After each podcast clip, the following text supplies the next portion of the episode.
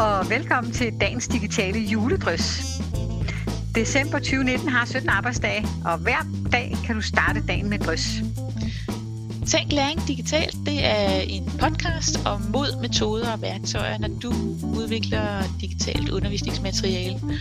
Og vi vil gerne både tale om undervisning som motiverende og effektiv og individualiseret, og om hvordan digital understøttet undervisning kan inspirere dine deltagere, det kan være elever, studerende eller kursister, inspirere dem til at navigere i og erobre et fagligt område. Jeg hedder Charlotte, og jeg har en Ph.D. og arbejder med at udvikle innovative pædagogiske processer med teknologi i Digital and Creative Learning Lab. Og jeg hedder Malene, og jeg har 20 års erfaring med uddannelse og læring, og jeg arbejder med læring i digitale fællesskaber i Crowdbrain. Men øh, følg med her på kanalen. Vi håber på, at der er noget, du kan bruge.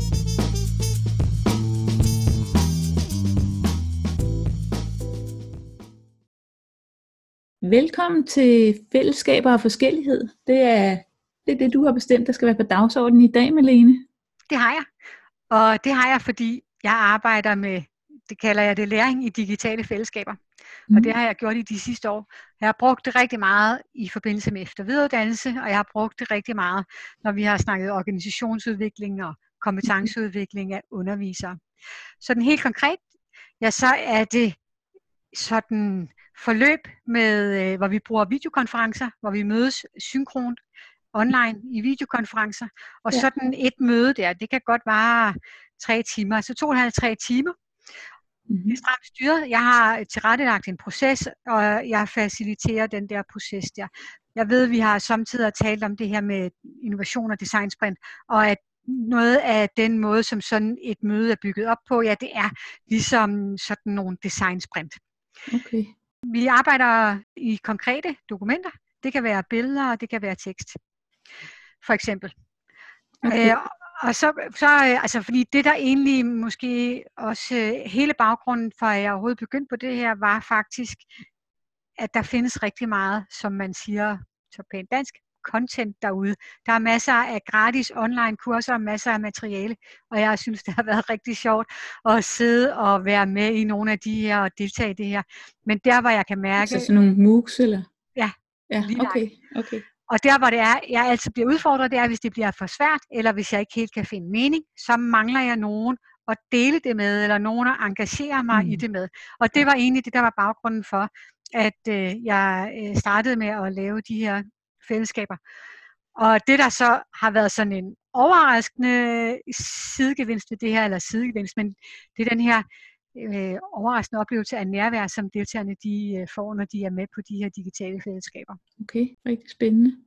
Hvad hedder, du kalder afsnittet for fællesskaber og forskellighed, og ikke kun digitale fællesskaber, så men, men også forskellighed. Så hvad mener du egentlig med det?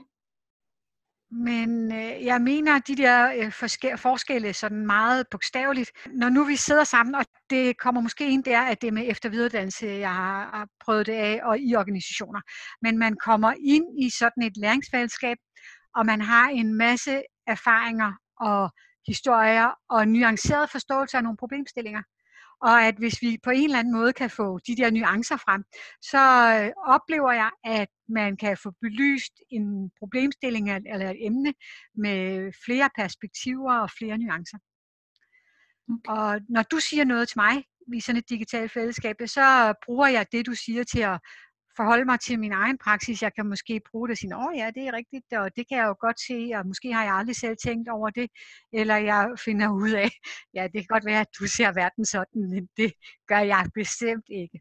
Ja. Så det, som jeg oplever, at det er, at jeg som underviser kan gå ind, og så kan jeg stilisere en læreproces for, for deltagerne, og har min egen plan, men når de sidder sammen, de der professionelle, så stiliserer de i høj grad også hinandens læring. Mm-hmm. Så er der også, øh, synes jeg, sådan en helt den der klassiske tværfaglige problemstilling. Hvordan arbejder vi sammen? Øh, sådan at de forskellige perspektiver kommer i spil. Det er altid den her udfordring, når vi skal være tværfaglige, at øh, du ved noget og kan noget, og nogle andre ved noget andet, men skal det, vi egentlig arbejde sammen, hvordan er det så, det kommer i spil? Og der tror jeg på, at nogle af de her fællesskaber på en eller anden måde er med til, at vi kan lave nogle fælles løsninger. Så jeg synes, at øh, forskellighed det er frugtbart, selvom det også er svært. Ja. Men, og kunsten som facilitator af de her, det er egentlig at få de der forskelligheder sat øh, i spil på en brugbar måde. Okay, okay. Det lyder som om, du er rigtig god til at få de her fællesskaber i gang. Øh, men, men jeg tænker, hvad, hvad er det, der hvad gør det digitale her? Hvad får du ud af at gøre det digitalt?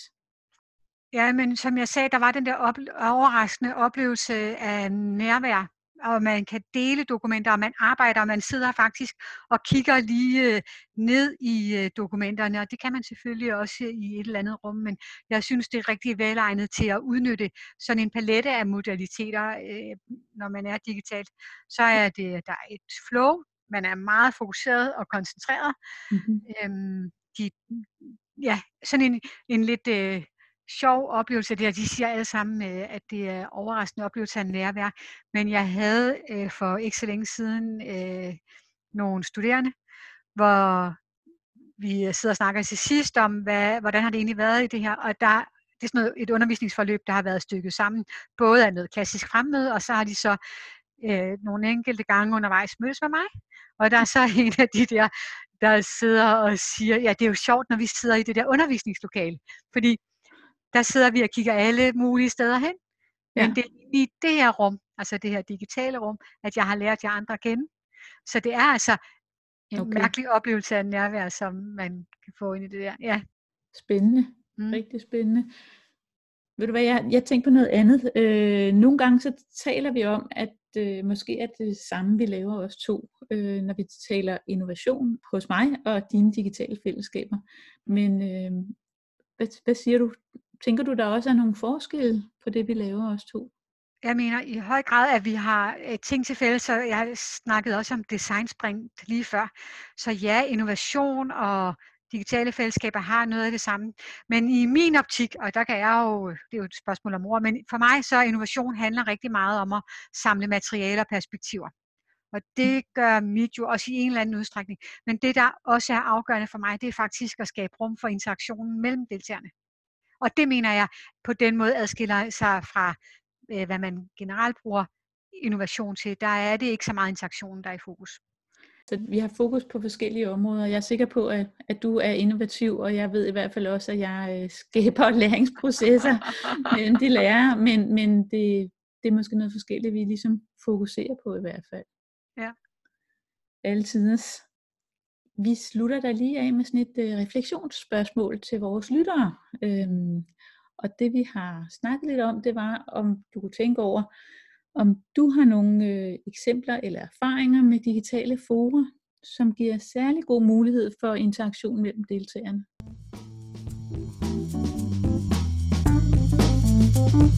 Vi vil rigtig gerne høre din mening om at tænke læring digitalt, så deltag gerne i debatten. Og tak fordi du lyttede med på dagens digitale drøs.